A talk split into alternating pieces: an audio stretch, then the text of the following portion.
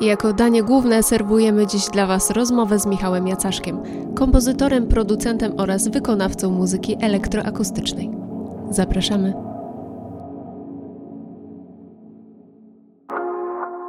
Okej, okay, no to my oczywiście sobie coś e, przygotowaliśmy, ale nie chciałabym zaczynać z jakiegoś e, wysokiego, z wysokich tonów, bo, bo to wiadomo, że jak już zaczniemy, to już tam trzeba będzie iść, więc pierwsze pytanie, jakie mam do ciebie, to które ze zjawisk pogodowych jest twoim ulubionym? Hmm, to jest wysokie C przecież.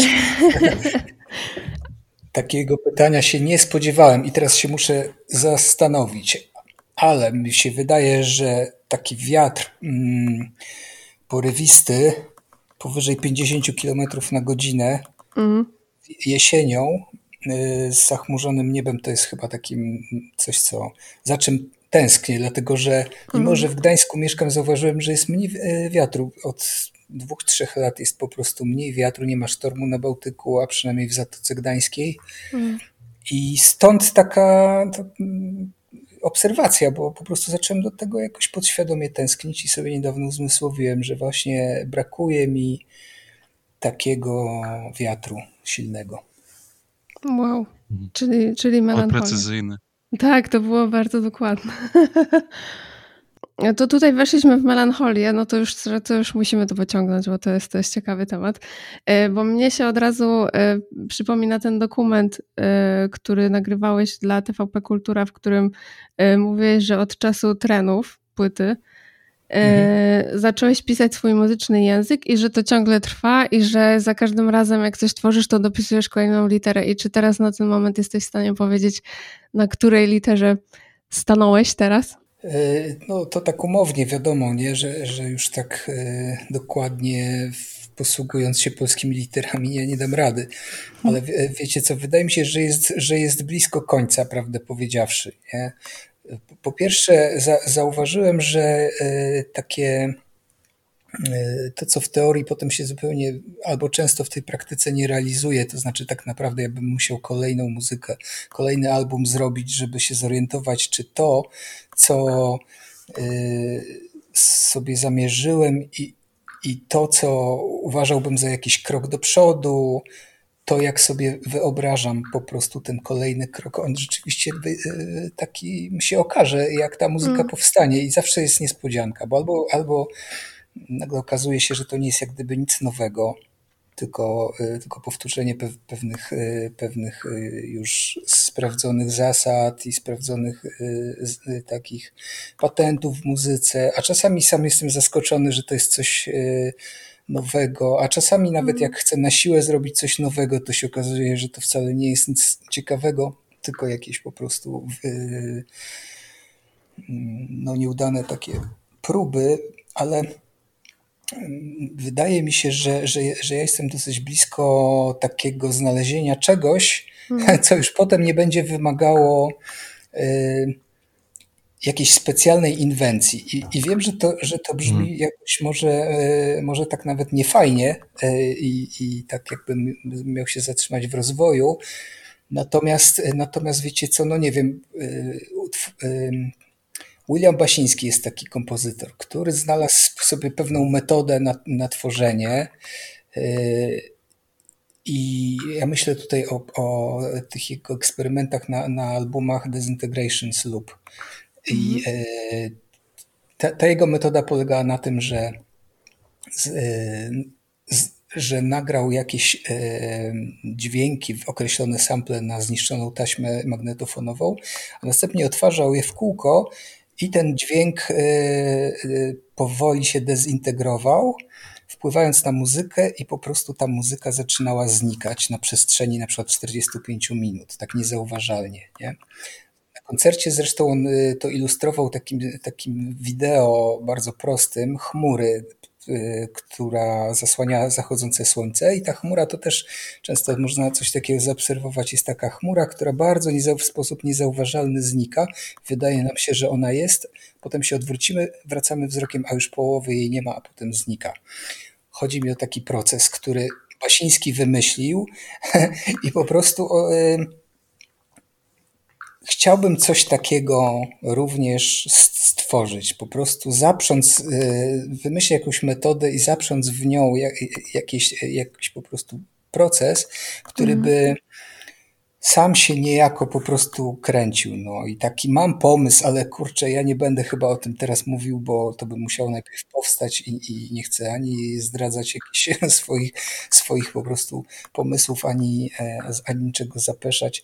No ale mówimy o tym języku po prostu i wydaje mi się, że to jest normalne u każdego kompozytora czy tam malarza, że w pewnym momencie on łapie po prostu swój taki flow, swoją, e, e, swój właśnie taki no, zestaw środków, którymi się posługuje i tylko od, robi kolejne warianty, e, odsłania kolejne warianty swoich, swoich po prostu jakichś tam, nie wiem, wizji, dźwięków, utworów.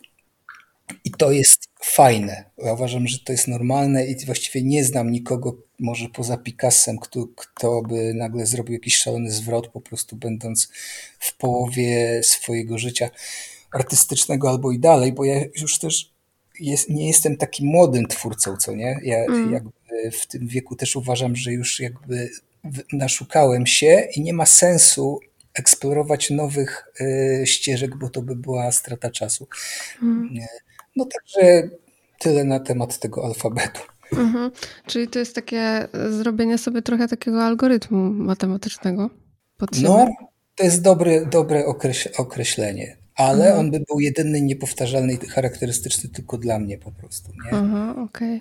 A czy to w takim razie e, to, to pójście w kierunku przyrody typowo, co, co wybrzmiewa już od pierwszego pytania właściwie e, u ciebie, to jest e, dlatego, że mm, wiedzo, mając tę wiedzę jako artysta, twórca, już masz trochę przez to zaburzony odbiór jakby dzieł takich powiedzmy standardowych i one już nie są inspirujące tak, jak jest inspirująca natura przez tą swoją nieprzewidywalność? Trochę nie, nie zrozumiałem, muszę powiedzieć, pytania. Y, no bo jeżeli to tworzenie jest takie matematyczne właśnie, znaczy robi się z tego już potem taki algorytm i ty sobie zdajesz z tego sprawę słuchając innych twórców i innych dzieł, to wyobrażam sobie, ale być może to jest jakaś moja projekcja, że to już nie jest takie inspirujące, bo już wiesz, jak to, jak to, z czym to się, jak to działa.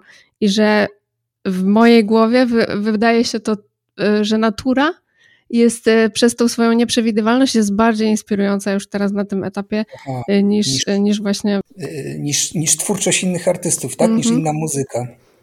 To znaczy tak, po pierwsze nie, nie wszyscy artyści mogą, muszą koniecznie w taki jakiś ścisły algorytm popadać, nie? Pod, e, jak, jak już zdobędą jakąś swoją dojrzałość twórczą i ta twórczość może być zawsze zaskakująca w zależności od, e, od po prostu danego tam podejścia. No akurat e, William Basiński to jest bardzo radykalny radykalna taka, taka, on zrobił taką radykalną decyzję artystyczną. Jest też taki malarz Roman Opałka, który mhm. zamknął swoją twórczość w malowaniu cyferek tylko, nie? Tak.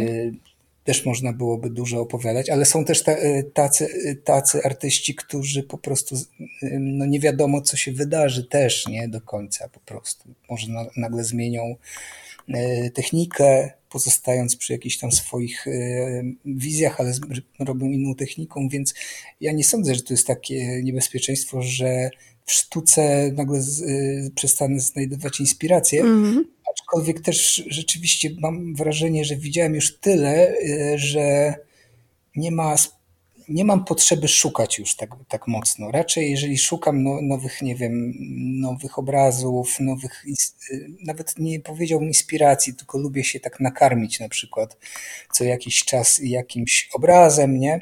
Albo jakąś muzyką, to szukam już w kręgu jakichś swoich po prostu ulubionych rzeczy, nie? Nie wiem, na, na przykład w malarstwie to jest takie malarstwo pejzażowe holenderskie, E, z XVII wieku i tam po prostu zawsze to jest podobne, ale zawsze odkryję jakiegoś innego, mm, e, in, innego malarza, który, który będzie mnie inspirował, albo inaczej będzie mnie karmił po prostu, tak.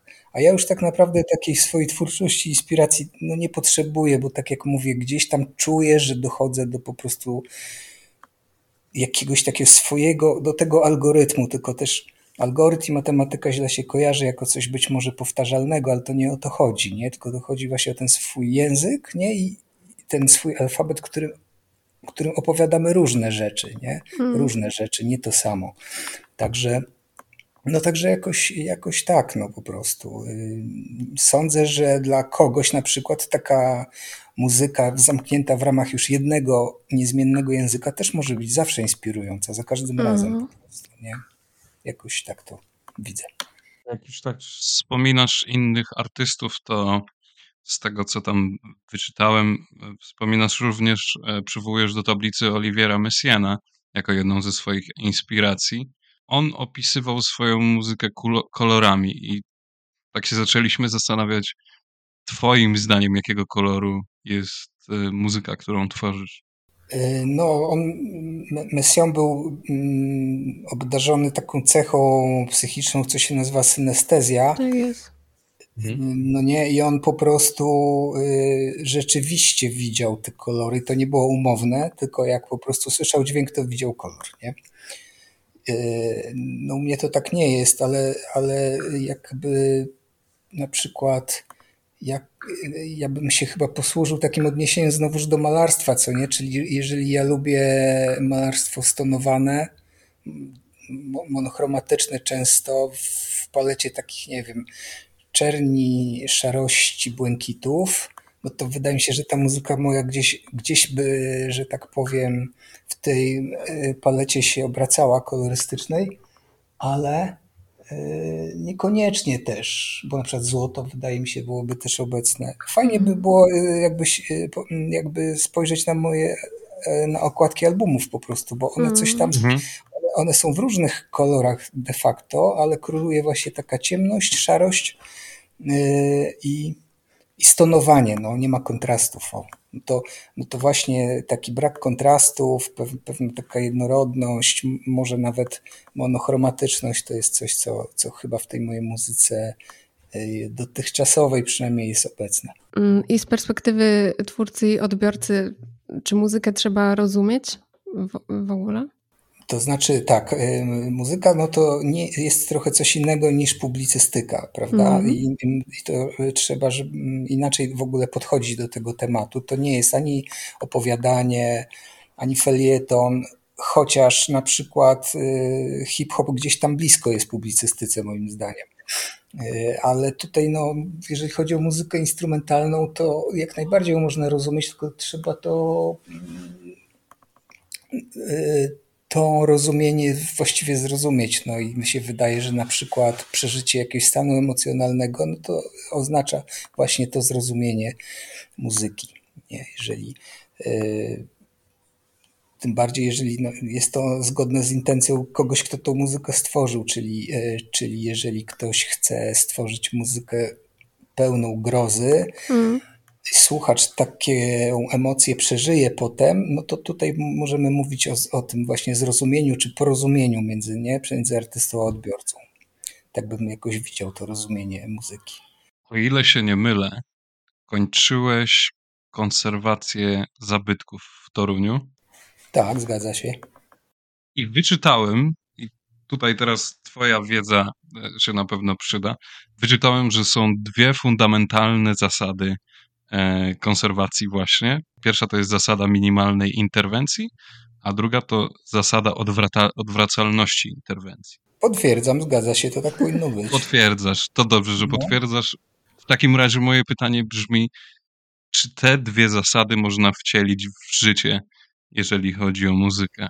Nie wiem, ja, y, bo to jest zupełnie co innego, konserwacja, a tworzenie, tak? No bo gdyby mm -hmm. ktoś mhm. próbował y, konserwować muzykę, ja nie wiem w ogóle, jak to można zrobić, nie?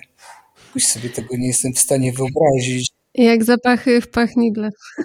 No właśnie, tego się, to jakoś ja nie widzę specjalnie tutaj kore, korelacji y, między jednym a drugim. Mhm. No po prostu wydaje mi się, że można by to spróbować odnieść jakoś do na przykład takiej muzyki minimalistycznej, tak? Gdzie, gdzie ingerujemy w ciszę tylko trochę, nie, nie, ale, ale na przykład zostawiamy też jakąś przestrzeń taką, nie wiem, do zapełnienia przez wyobraźnię słuchacza na przykład.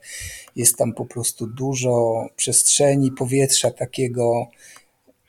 Ale wiesz co, no nie chciałbym tam za dużo w to się pakować, bo to jest dosyć, jednak byłoby naciągane y, wchodzenie głębiej hmm. w, i wymyślanie, jak można byłoby odwrócić dany proces w muzyce. Nie wiem, jak to zrobić. No, na pewno można to zrobić na poziomie y, takiej sesji y, nagraniowej w komputerze, gdzie po prostu wiesz, no, można zawsze wywalić po prostu jakąś warstwę i już, no, ale, ale to jest to nie jest konserwacja po prostu, to nie jest zachowywanie, czy też nie jest to naprawianie, tylko to jest tworzenie i jak dzieło jest skończone, to potem jeżeli się coś uszczknie, to wtedy znowu już, już tego dzieła nie ma po prostu. No. Tak to czuję. Bo ja w ogóle y, Oczywiście ja na Tajdalu też y, jakby słucham, więc ciebie też słuchałam na Tajdalu, ale y, podkusiła, podkusiło mnie komentarze, pod, pod, żeby poczytać komentarze pod twoimi y, mhm. dziełami i całą twoją twórczością, więc oczywiście na YouTubie też byłam i nie wiem, czy ty zauważyłeś, ale tam bardzo wiele komentarzy pod, pod wieloma utworami jest o tym, o tym, że ta muzyka to jest pod narkotyczne odloty jakieś różnego rodzaju. Mhm. I to, to, mnie w ogóle bardzo zainteresowało, początkowo rozbawiło, ale teraz sobie myślę, że, że no wiadomo, ty nie masz wpływu na interpretację y, słuchacza, to jest mhm. jasne i tego, do czego to będzie użyte i tak dalej już później i co on z tym mhm. zrobi sam dla siebie, ale czy w ogóle tworząc myślisz o tym, jak słuchacz może twój twór interpretować? I czy to jest w ogóle ważne? Jak słuchacz będzie interpretował. Wiesz co, to jest ważne. Ja się na tym zastanawiam, bo to, bo to jest bardzo ciekawe, ale yy, wielką byłoby pułapką, gdybym ja zaczynał projektować, tak? Po mm -hmm. prostu yy, taką potencjalną interpretację, że o, zrobię coś, że jak to usłyszą, to sobie pomyślą coś tam na tej zasadzie. To, to jest w ogóle pułapka i to od razu w ogóle śmierć dla muzyki, nie? Coś takiego. E, to, co powiedziałaś o tych komentarzach, no one to, to, to dotyczą, mi się wydaje, takiego aspektu tej mojej muzyki, jaką jest taka ilustracyjność, mm. nie bójmy się tego słowa. One, e, ta muzyka jest instrumentalna, tam z wyjątkiem chyba takiej płyty Kwiaty, to ja nie, nie używałem w, w swoich takich solowych albumach w ogóle tekstu. W związku z tym i teraz ich taka pewna, jest takie słowo angielskie cinematic, nie? Ja nie wiem, jak to, jak to po polsku y, mogłoby zabrzmieć, ale no, wizyjność czy filmowość, nie? Coś mm. pomiędzy jednym a drugim, mm -hmm. które jest po prostu w mojej muzyce. I ludzie po prostu odruchowo czy bezwiednie zaczynają sobie jakieś obrazy wyświetlać w głowie. Tak mi się wydaje, że to działa. No i stąd mm -hmm. tego mhm. typu komentarze.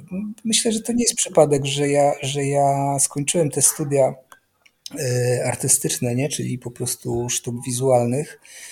I nieprzypadkowo ta muzyka właśnie taka jest, bo, bo, bo ten background myślę, że gdzieś tam działa. I w ogóle takie chyba moje usposobienie y, do, bardziej do patrzenia niż słuchania, prawdę mówiąc, nie? Dlatego, że wzrokowo choć to się trochę zmienia, ale ja jednak przede wszystkim wzrokowo chłonę rzeczywistość. O, no właśnie, bo to jest, to jest ciekawe, bo to burzy mój y, obraz, który sobie y, w głowie ukułam na Twój temat. Bo ja słuchając, y, zawsze mi się wydawało w związku z tym, że to jest, że Ty odbierasz właśnie świat takim dźwiękiem nieukierunkowanym na, na słowo i że dźwiękiem stricte, bo brzmisz tak autentycznie, że, mi, że po prostu nie mogłam innej y, myśli dopuścić do siebie. Czyli to jest tak, że raczej obraz nad melodią, czy przy, jakby przyczynek do tworzenia to jest, to jest obraz w takim razie? Często tak jest, wiesz. Y, tutaj znowu do tej przyrody bym wrócił. Mm. Przyroda to jest często tak trochę jakby taka partytura graficzna, czyli jak y, jest drzewo, to e, ono ma swój określony kształt, są relacje między tymi kształtami, e, ono się też rusza, e, ono się też zmienia na przestrzeni pół roku, nie? No i też brzmi na dodatek, nie? Więc, więc po prostu to jest już tak inspirujące muzycznie, że wystarczy sobie coś takiego w głowie wyświetlić i poszukać jakichś dźwięków, żeby, no żeby jakaś muzyka powstała po prostu. Przynajmniej to się tak u mnie dzieje. Nie? Mm. I rzeczywiście, no to mówię tak zupełnie umownie, że wyświetla mi się drzewo, no bo to takie proste też nie jest, e, ale bo to są też jakieś takie mniej określone wrażenia, takie wizualne. gdzieś tam, nie wiem, takie na, na, wpół, na wpół skonkretyzowane, no ale to umowne drzewo mi siedzi w głowie, kiedy zaczynam po prostu tą muzykę tworzyć, nie? Także to tak jest, często, że wychodzę od obrazu. Dla, dlatego też w tym filmie, bo nie wiem, czy może chcielibyście potem o tym jeszcze porozmawiać, ale ja już teraz powiem, że ja, mhm. że ja, że ja no, pracuję dużo przy filmie, mhm. piszę muzykę po prostu i i to mi e, przychodzi łatwo i jak po prostu widzę scenę, to ja już słyszę muzykę. Nie? Potem oczywiście to trzeba skonsultować z reżyserem, czy to jest tak, czy, czy inaczej, ale zazwyczaj to jest trafione i, i zawsze jakoś tam funkcjonuje. Mm. Także słusznie to zauważyłaś, nie? I, I, to tak właśnie wygląda, że e, często e, obraz najpierw, a potem w odpowiedzi właśnie dźwięk. Zanim porozmawiamy sobie o filmie, to no, jeszcze chciałem dopytać, i nie tak, i nie od strony twórczej, co było pierwsze u ciebie? Muzyka, film, słowo, a może właśnie obraz jako chodzi mi o artyzm od, od strony artystycznej, mhm. ale nie od strony twórczej dla ciebie, tylko co było w twoim życiu pierwsze? W, w moim życiu to było równolegle muzyka i y, taka sztuka w sensie malarstwo, nie? Mhm. To chyba są takie najważniejsze i pierwsze doświadczenia, bo tak, muzyka, z muzyką to się y, zapoznałem po prostu przez nagrania jakieś tam, które u moich rodziców były, magnetofon szpulowy, potem magnetofon kasetowy i muzyka, którą oni słuchali, a to był głównie taka, taka muzyka rozrywkowa lat 80, 70. Ale też miałem takiego drugiego melomana w rodzinie, moją babcię, która, która z kolei mhm. słucha takich trochę ambitniejszych rzeczy, typu Bach, Chopin, ale, ale też na przykład Beatlesi, nie? Mhm. I, i, I, no to i wydaje mi się, że to były bardzo takie ważne doświadczenia, no powiedzmy takie formujące dla mnie, nie słuchowe. Natomiast też y, no, ja byłem plastycznie uzdolniony zawsze to, to, to było coś, co było jakby od początku wyraźne i co potem moi rodzice tak trochę krzewili, więc, więc e, ja nie wiem, no, oglądam albumy z malarstwem, nie? Było też oglądanie tej przyrody, która jest też tak naprawdę sztuką w samej, samą w sobie. Ja się wychowałem w takich przyrodniczych rejonach, że tak powiem, w kraju, czyli, czyli Mazur, Warmia i Mazury, nie? No. No Więc te obrazy przyrody to też jest coś bardzo ważnego od dziecka mi towarzyszące.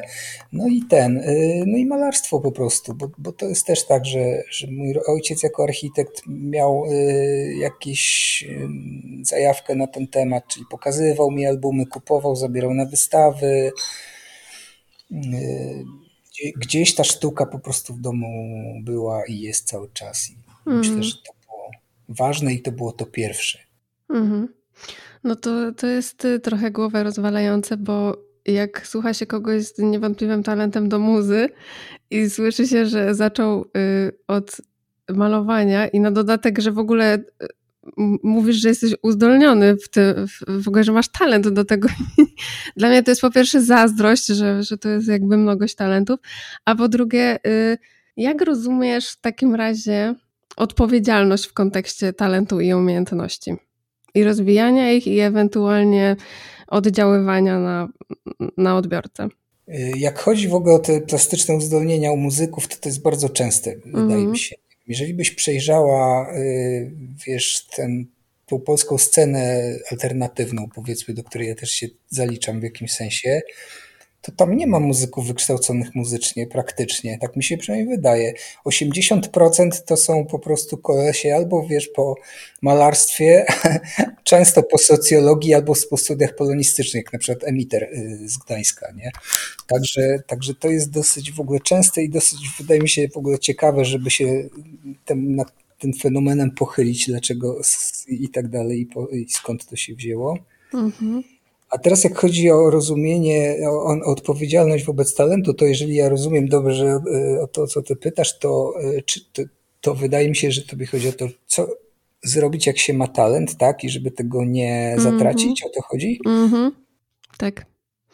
Odpowiedzialność wobec siebie, no i też jakby nie było e, wobec innych, biorąc pod uwagę, że talent jest jakiegoś rodzaju służbą innym, jeżeli tak to oczywiście rozumiemy obydwoje. Nie, to ja, ja tutaj na, na pewno ten chciałbym uciec od wszelkiego rodzaju y, sugerowanie jakiejś misji albo po prostu mhm. y, mówienie o czyichś po, powinnościach czyichś wobec kogoś, to, to w ogóle nie, nie, nie, nie, nie chciałbym, ale może coś takiego powiem, bo widzę to bardzo często, że, że jest, że spotkałem e, ogromnie utalentowanych ludzi, nie? Tam mm. w ogóle przez ostatnie 30 lat poruszając się nie, na scenie muzycznej, pracując w radiu też, spotykam realizatorów, kompozytorów, producentów, po prostu zajebiście zdolnych, mm. ale którzy z jakichś powodów e, nie publikowali swojej twórczości, nie? nie przykładali się do tego, nie mieli e, ten. Ja się zastanawiałam, dlaczego właśnie tak jest, kurczę. I, I to nie jest tak, że to jest jakiś jakkolwiek zarzut czy, czy e, do nich, ale, ale po prostu wydaje mi się, że brakuje często takiej odwagi, nie? I, i jakiejś wiary po prostu, i takiej właściwie nawet no, odwagi do ryzyka, no bo to jest zawsze ryzyko, co sobie kto pomyśli, czy to będzie bez, nie będzie bez sensu na przykład. Hmm. Ja nie wiem, ja szczerze mówiąc nie miałem specjalnie takich obaw, co sobie kto pomyśli. E, może dlatego, że z takiego trochę artystycznego domu wyszedłem. Mm. Może też tak zostałem wychowany, że z, z taką dosyć, no nie wiem, wiarą własnej umiejętności, bo to może też po prostu z wychowania wynika coś takiego. Natomiast tyle razy widziałem po prostu zdolnych ludzi, którzy zamykali w szufladzie to, co robią, albo w ogóle nie robili po prostu y, tego, co mogliby, tylko słyszałem jakieś próbki, wprawki i tak dalej, no to, no to kurczę, żal mi po prostu było, nie, wtedy. Mm, no tak. Ale, ale żeby kogoś do odpowiedzialności, wiesz, pociągać, czy, czy mówić, że ktoś coś powinien, to, to ja bym tutaj nie, nie, nie, nie, czuł się nie. kompetentny, to... nie, żeby rozliczać kogokolwiek, nie? No mhm. jasne, bardziej um, chodziło mi o to, że jak już się ktoś podejmuje jakby działań w związku z tym, że ten talent właśnie rozwija, pokazuje i tak dalej, i jaki to ma wpływ na innych wo wobec tego. No bo niewątpliwie ogromny ma niejednokrotnie, zwłaszcza jeśli chodzi o dziedziny artystyczne. Mhm. A... No ale tu wracamy do tego aspektu, co już mówiłem, że to by oznaczało takie projektowanie trochę, nie? Mhm projektowanie i takie tworzenie jakiejś takiej dziwnej koncepcji, y, że ja teraz stworzę coś, co w określony sposób będzie działać na ludzi i, wywoła, i wywoła u nich coś e, takiego, a nie innego, to to jest e, według mnie e, to, to jest ten manipulacja po prostu, a nie próbowanie i, i wtedy no nie da się tego tak do końca zaprojektować. Nie? Mi się wydaje, że no, jeżeli, jeżeli ja Ciebie cały czas dobrze rozumiem, nie, to po prostu jeżeli my mamy jakąś odpowiedzialność jako twórcy wobec y, odbiorcy, to po prostu ewentualnie nie, nie zalewać, no jest jakiś zestaw y, komunikatów, które są z gruntu jednoznacznie złe, nie? Typu na przykład, y, nie wiem, nie wiem, kurczę, zabij człowieka i taki -hmm. przekaz podprogowy mm przy, mhm. przy akompaniacie ściany gitar, nie? No to, to jest uważam nieodpowiedzialne zrobienie takiej muzy, ale, ale to są no, skrajne przypadki, nie? To wydaje mi się, że to chyba nie za bardzo bym wiedział, jak coś takiego ugryźć.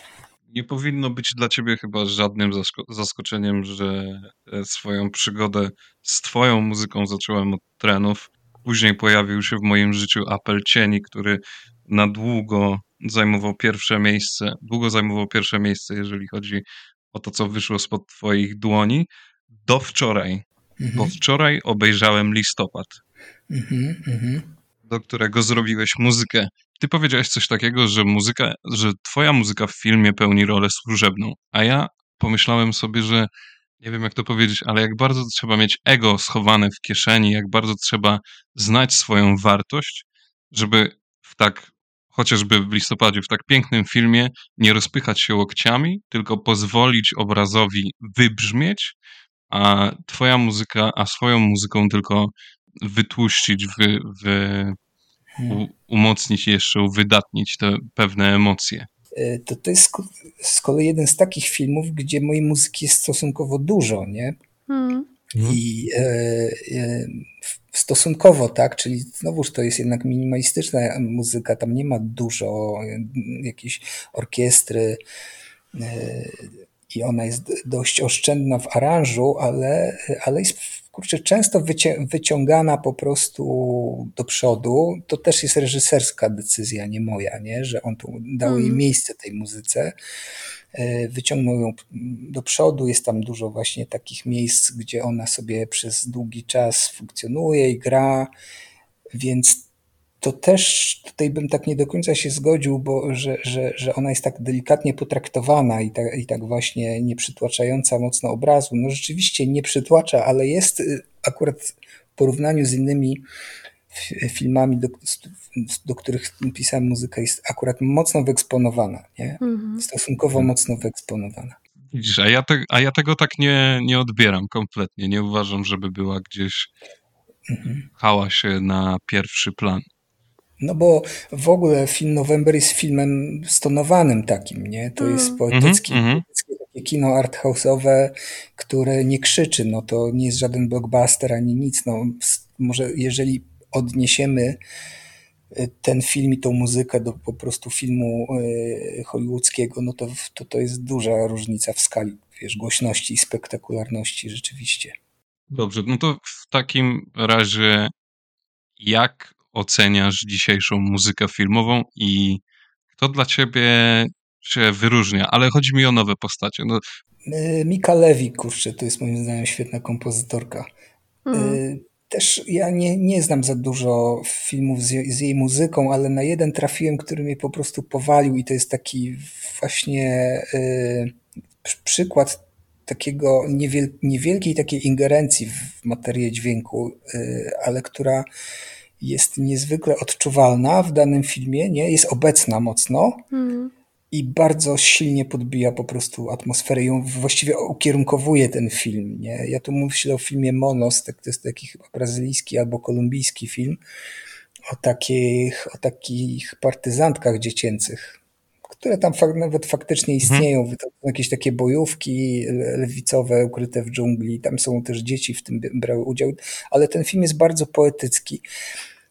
Też dzięki temu właśnie, że jest tam e, określona muzyka i to jest taka, kurczę, no tego trzeba posłuchać, ale, ale spróbuję mniej więcej opisać to, co ona zrobiła w tym filmie. To znaczy ona użyła takich jakby fletów etnicznych, ale raczej to są takie gwizdałki, no po prostu. Mhm. To jest jedyne słowo, które mi przychodzi do głowy, takie jakby drewniane gwizdałki, co mają trochę podobne brzmienie do fletni pana, ale, to, ale nie grają melodii.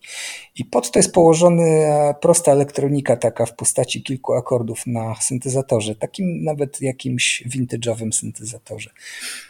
To jedno z drugim po prostu no tak mocno działa. Tak jak mówię, ten film można byłoby na przykład zilustrować taką muzyką dynamiczną, jakąś orkiestrową, gdzie, który podkreślał jakąś akcję wojenną i tak dalej, ale wtedy to był mhm. zupełnie inny film, a tutaj nagle po prostu wchodzimy w taką poezję, nie? w taki nastrój jakiś metafizyczny, kurczę, który ma w sobie i tą dżunglę, i ma w sobie tą dziecięcość, i ma w sobie też jakieś piękno, i ma jakiś sobie niepokój i tragizm. A są tylko, słuchajcie, kilka dźwięków jest mhm. i tylko dwa instrumenty. I to mi się wydaje, dlatego jej przykład mi się przypomniał, bo, bo ja bym tak chciał właśnie umieć zrobić też, nie? Jak ona. Tylko, tylko trochę i tak po prostu, ale za to w punkt, nie? No to Mika mhm. Lewi, a, a tak zawsze mam kłopot, żeby tak na szybko przywołać jakieś, jakieś inne nazwiska. No. Nam się nie ale, ale od razu, ale ten Zimmer to by padł od razu, bo to jest wyjątkowy kompozytor, nie? Który się po, po prostu, którego ja bardzo szanuję, dlatego że on potrafi właśnie odejść od swoich przyzwyczajeń, takich, przecież on by mógł e, osiąść na laurach już dawno, co nie? No tak. Natomiast e, po prostu wchodzi w zupełnie takie nieznane dla siebie rejony, ja widziałem jego studio. Y, to po prostu jest biurko z, z, ekranem komputera i dwoma monitorami, tak jak u mnie, to wygląda dokładnie. Mm. I na jednym zauważyłem, że jest odpalony syntezator wirtualny, który ja też mam. Mm.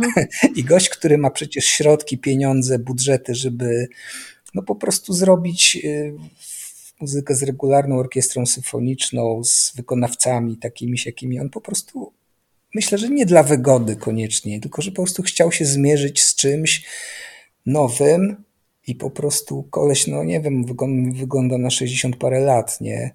cały czas poszukuję, nie? Dlatego, mm -hmm. dlatego ten Simmer jest po prostu nie, niesamowity dla mnie. No to ciekawe w takim razie, gdzie y, leży jakaś granica artystycznego spełnienia i czy ona w ogóle istnieje w takim razie?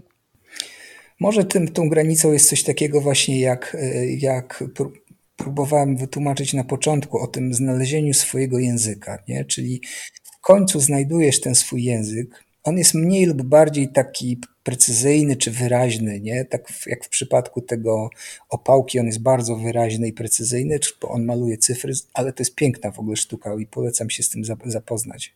Choć wydaje się naprawdę radykalnie ograniczona, ale jest piękna. No, no ale są też takie języki powiedzmy bardziej otwarte, bardziej mniej takie zdefiniowane, mniej ścisłe, artystyczne, ale, ale właśnie zamknięcie takiego języka i opowiadanie różnych rzeczy, ale tym samym alfabetem, no to jest właśnie to spełnienie, no nie? które ja na przykład gdzieś tam już czuję na horyzoncie. To chyba tak by było można jakoś określić, bo na przykład sukcesy artystyczne typu nagroda, propozycja za duże pieniądze, to nie daje satysfakcji na dłuższą metę, co nie? A widziałbyś się w ogóle w takich monumentalnych produkcjach? Podniósłbyś rękawicę? Jasne, że tak. To ja tak jak Hans Zimmer, bo bym bardzo chętnie się zmierzył z jakimś nowym terenem. W ogóle to mhm. uwielbiam y, tak właśnie. No teraz pracuję nad filmem dokumentalnym, y, który się nazywa Ile za sztukę. To mhm. będzie film o polskim rynku sztuki, gdzie po, po prostu robię całkowicie inną muzykę, przynajmniej tak mi się wydaje, niż dotychczas. I to mnie niesamowicie bawi. Co prawda to nie jest praca z orkiestrą, ale, ale to jest zupełnie inny zestaw po prostu brzmień, środków, y, tempo, wszystko jest inaczej niż, niż do tej pory. Jest szybkie, zmienne, czasami agresywne i po prostu y, ja, ja nawet myślę, że jeżeli chodzi o orkiestrę, to ponieważ jest, są już takie narzędzia, ja, y, ja się ciągle nie, nie opanowałem nut jeszcze, nie? Nie umiem mhm. pisać partytur, ale mhm. to nie jest problem y, rozpisać, y, mając do dyspozycji software odpowiedni i, i pomocników, zorkiestrować coś, nie? To, nie? to nie jest jakieś takie, więc pewnie, żebym spróbował. Najwyżej by mnie wyrzucili. No tak. No. Wspominałem Apal Cieni, twój album z Tomaszem Bucyńskim, e, z mhm. Darkiem Budkiewiczem i z Rafałem Nowakiem. Mhm. Muzyka skomponowana do tekstów więźniów. A czy myślałeś kiedykolwiek, żeby sięgnąć po muzykę stworzoną w obozach zagłady i może ją samplować? Ja bym w życiu czegoś takiego, na coś takiego nie wpadł. W, w, jeśli chodzi o ten za, apel cieni, to, to tutaj ważne jest powiedzieć, powiedzieć, że ja byłem takim współproducentem tak naprawdę, mm. że okay. muzykę w dużej części już dostałem od Darka Budkiewicza, który jest chyba takim tutaj najważniejszym kompozytorem, razem z Tomkiem Budzyńskim, który, który zaśpiewał e, i wymyślił melodię. Ja byłem takim może producentem, o tak bym nazwał. Nie? I teraz z tym, z tym pomysłem jest tak, że to nie był nasz pomysł, ani mój, ani Tomka, ani, ani Darka, tylko pomysł Muzeum Muzeum e, Stutthofie, nie? czyli tego byłego obozu mm, koncentracyjnego i tam po prostu wymyśl, natrafili w archiwum na tę poezję i chcąc je jakoś tam, nie wiem, spopularyzować w cudzysłowie, no, no nagra, chcieli, żeby to ktoś zaśpiewał i, i zrobił z tego muzykę. A samplowanie, czy w ogóle pochylanie się nad tym, nad tym tematem, to są, to są moim zdaniem tak delikatne sprawy y, i poważne, że, że ja bym się tylko i wyłącznie nad tym zastanowił, gdyby ktoś miał jakiś pomysł, powiedzmy, nie wiem, placówka, kurator, z tym związany, czy to, to wtedy, to wtedy w zależności od tego, co by to było, jaki byłby ten pomysł, to bym się zastanowił, ale nie wchodzę w to. To są za, za ciężkie e, tematy, zbyt poważne i takie pewnie wart, znaczy właściwie to myślę, że one są konieczne do tego, żeby je utrwalić. Stąd też nasza taka decyzja, żeby się w tym, y, w to zagłębić, bo Tomek powiedział taką ważną rzecz, że y, jakkolwiek on miał wątpliwości i taki lęk przed, y, bo on śpiewa te rzeczy, więc on jest mhm. wręcz, myśmy komponowali, nie, ale on po prostu w bardziej bezpośredni sposób się w to z, z tym zetknął, z tą, z tą twórczością tych, tych ludzi, no to on powiedział, że mimo tego on uważa, że po prostu to trzeba zrobić dla nich, nie? Bo to, co ich spotkało i, i te wiersze są tego świadectwem, to oni po prostu by, to wymaga opowiedzenia, nie? Koniecznie oni, ich los po prostu, to jest jedyne, co my możemy zrobić, to jest coś moim zdaniem bardzo ważnego dla nich, żeby to po prostu, co oni tam przeżyli, ludzie poznali, tak? No i jeżeli znalazłaby się jakaś taka mądra okazja, żeby nad tematem Holokaustu się pochylić, to bym pewnie się zastanowił, no ale ja takich pomysłów nie mam i raczej wolę takich rzeczy przynajmniej no jakoś na dzień dzisiejszy nie, nie tykać, nie? Rozumiem. Ale jak już jesteśmy troszeczkę, w, chciałem powiedzieć w cieniu, ale przy Tomku e, Budzyńskim, to ja znalazłem mhm. taki cytat z, z, niego i pozwolę sobie to raz przeczytać. Mhm. Dzieciństwo to dla mnie święty czas. Dziecko poznaje świat w sposób bezpośredni, nie przez kulturę. My poznajemy świat tylko przez kulturę, przez telewizor, filmy, książki, internet, gazety. Poznajemy coś, bo ktoś nam już o tym mówił, a dziecku nikt jeszcze tego nie zdążył powiedzieć. Mhm. Dotyka trawy, kwiatów, widzi słońce, takie, ono jest, takie jakie ono jest naprawdę. Dziecko mhm. poznaje w sposób czysty. I tak sobie pomyślałem, że chciałbym Cię zapytać, czy Ty może chciałbyś mieć możliwość poznawania świata właśnie w sposób czysty, niczym dziecko? To jest moim zdaniem y, pragnienie chyba każdego, mniej lub bardziej uświadomione. Nie? Wydaje mi się, że y, jest teraz dość popularne takie hasło mindfulness, nie? czyli mhm. na przykład można też powiedzieć uważność. I to jest chyba tak trochę to, o czym Budzyński powiedział, taki trochę powrót do dzieciństwa i oglądanie rzeczy bez kontekstu już, albo bez interesowności takiej, nie? Interesowność tam na myśli na przykład patrzymy na drzewo i zaczynamy się zastanawiać, ile ma lat, yy, czy może ono by na przykład nadawało się do jakiejś eksploatacji, ale to już przesadzam, ale może na przykład można byłoby sobie na nie wejść albo sobie pod nim odpocząć, a, a jak ono funkcjonuje, jak się żywi. Zaczynamy po prostu już snuć te wszystkie yy, takie yy, narracje po prostu, które, które żeśmy nabyli przez życie, nie? Wiedza, E, właśnie sztuka, z czym nam się kojarzy to drzewo i tak dalej. I dziecko właśnie podchodzi do sposób bezpośredni i czysty, to znaczy właśnie nie i bezinteresowny, to jest fajne słowo, nie? Hmm. E, ja jak jestem e, na spacerze i wydawałoby się, że kontempluję właśnie jakieś tam zjawiska pogodowe, czy, czy właśnie jakiś, jakiś krajobraz, no to robię to właśnie w sposób taki czysty, ale tak do końca nie jest. Zdałem sobie sprawę, że też już zaczynam myśleć, jakby to można było w muzyce wykorzystać, yy, przetransponować na ten język muzyczny i tak dalej. To już jest właśnie takie myślenie trochę interesowne, nie? bym powiedział. A, a dziecko, czy takie patrzenie właśnie uważne, bezpośrednie, yy, polega na tym, że, że po prostu chłoniemy, tak? Chłoniemy, karmimy się, napełniamy i nic poza tym. Więc, więc ja tego pragnę. Mi się wydaje, że myślę, wydaje, że to chyba każdemu by się coś takiego przydało. Mhm. Mhm. Chyba tak. Nawet chyba trochę próbujemy, mając swoje dzieci, uszczknąć tego, mhm. co one tam jeszcze mają, mhm. ale to już niestety nie to. E, a ja jeszcze na koniec, bo już widzę, że nam tutaj pika. E, tak? Coś chciałeś? Tak, bo chciałem jeszcze zapytać, a to tak już taka a, czysta okay. ciekawość. Mhm. Czy tak. Michale byłeś w słynnym, niesłynnym Stanslewie?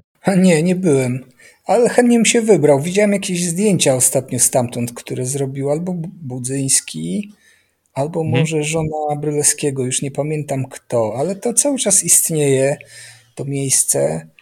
Yy, no i tam nikt nie mieszka i tam są jakieś ślady graffiti Bryleskiego na, na, na tych domach, mm. także, także chętnie bym się wybrał, ale nie byłem. Okej, okay, to ja jeszcze chciałam jedną rzecz na koniec rozjaśnić bo i oczywiście mhm. zapraszam na y, stronę internetową naszego gościa szanownego y, i tam y, w, mamy jedną zakładkę, w której mamy projekt o nazwie Lifetime Repetition i mhm. oczywiście tam jest wyjaśnione, Ocokaman, co jest pięć, mhm. ale niemniej ja bym chciała dopytać, co się za tą inicjatywą mhm. kryje.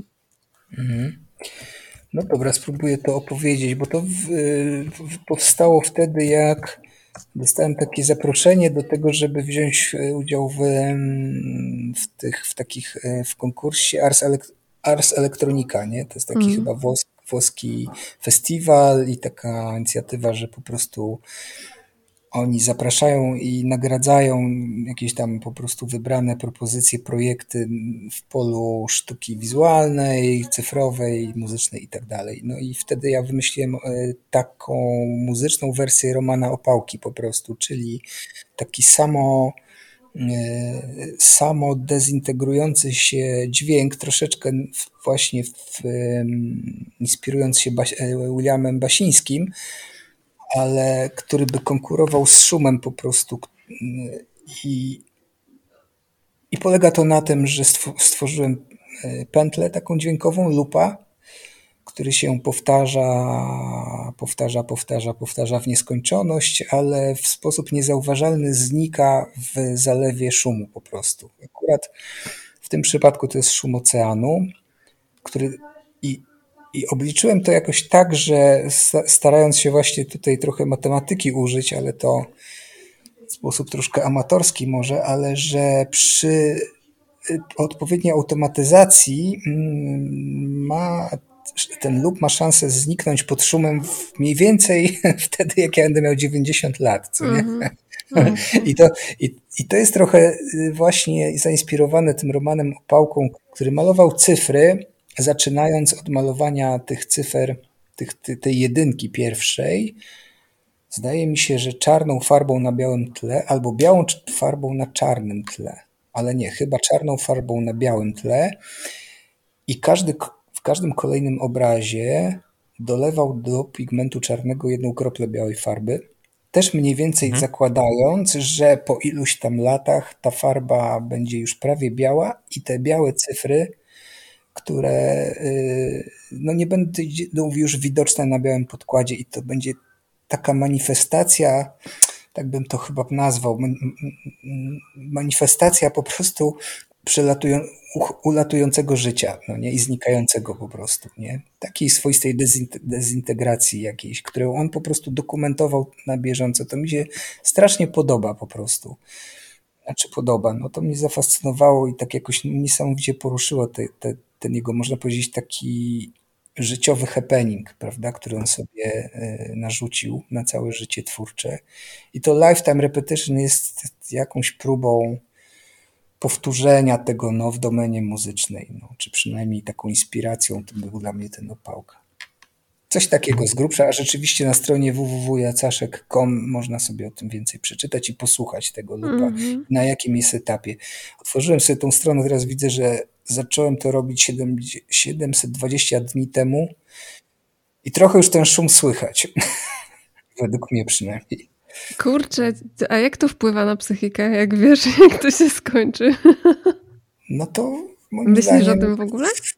Nie wpływa inaczej niż to, jak sobie czasami przypomnimy, że na przykład, nie wiem jak w waszym przypadku, ale w moim przypadku za 40 lat to już będę miał 90 lat i nie wiem, czy będę żył.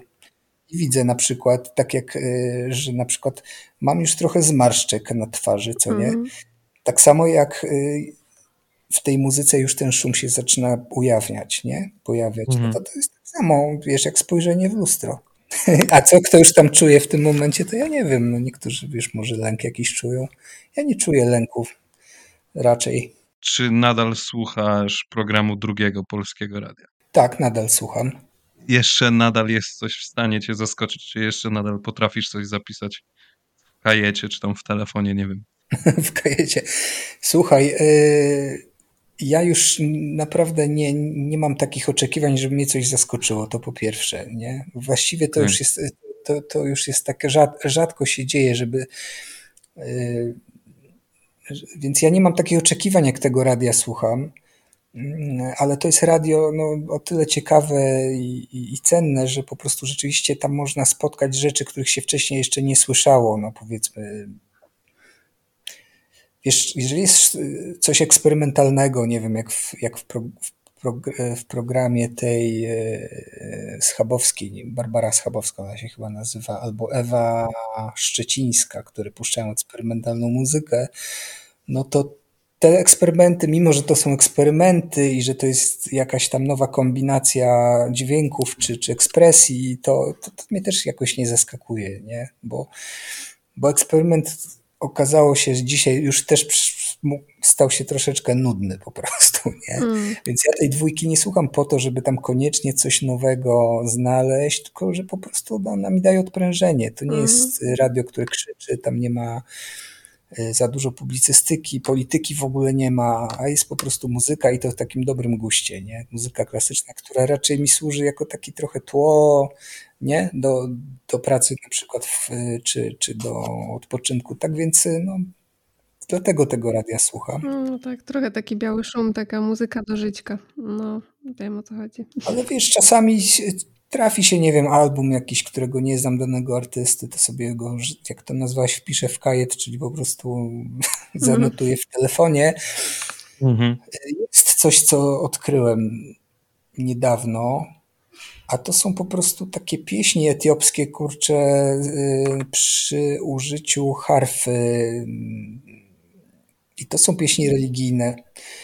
E, harfa afrykańska to jest taka bardzo specyficzna harfa, e, którą oni nazywają harfą Dawida, ale ona chyba nie ma nic wspólnego z, z tą starożytną harfą, na której były psalmy, psalmy mm, odśpiewywane i odgrywane, tylko, tylko to jest jakaś taka autorska, etniczna, e, etiopska, etiopski wynalazek do akompaniowania przy śpiewaniu modlitw, chrześcijańskich. Etiopia mm. to jest w ogóle taki zupełnie nie, taki inny, właśnie nie tylko muzułmański, bo tam jest po prostu też y, cały czas istnieje chrześcijaństwo w takiej właśnie afrykańskiej odsłonie. Mm -hmm, tak. to, jest, to nie jest koptyjska y, odsłona, tylko jeszcze, jeszcze inna.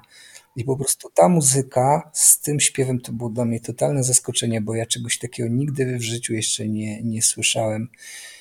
Yy, no, rzadko się to zdarza i dużą przyjemność mi to zrobiło w każdym razie. Mm. Tak. Dobrze, no to w takim razie dziękujemy za czas poświęcony i za super rozmowę. Ja Wam też bardzo dziękuję. Super, żeście się przygotowali i dzięki, było mi bardzo miło. No super, dzięki, dzięki bardzo. bardzo. O, pozdrawiam. Hej. Cześć.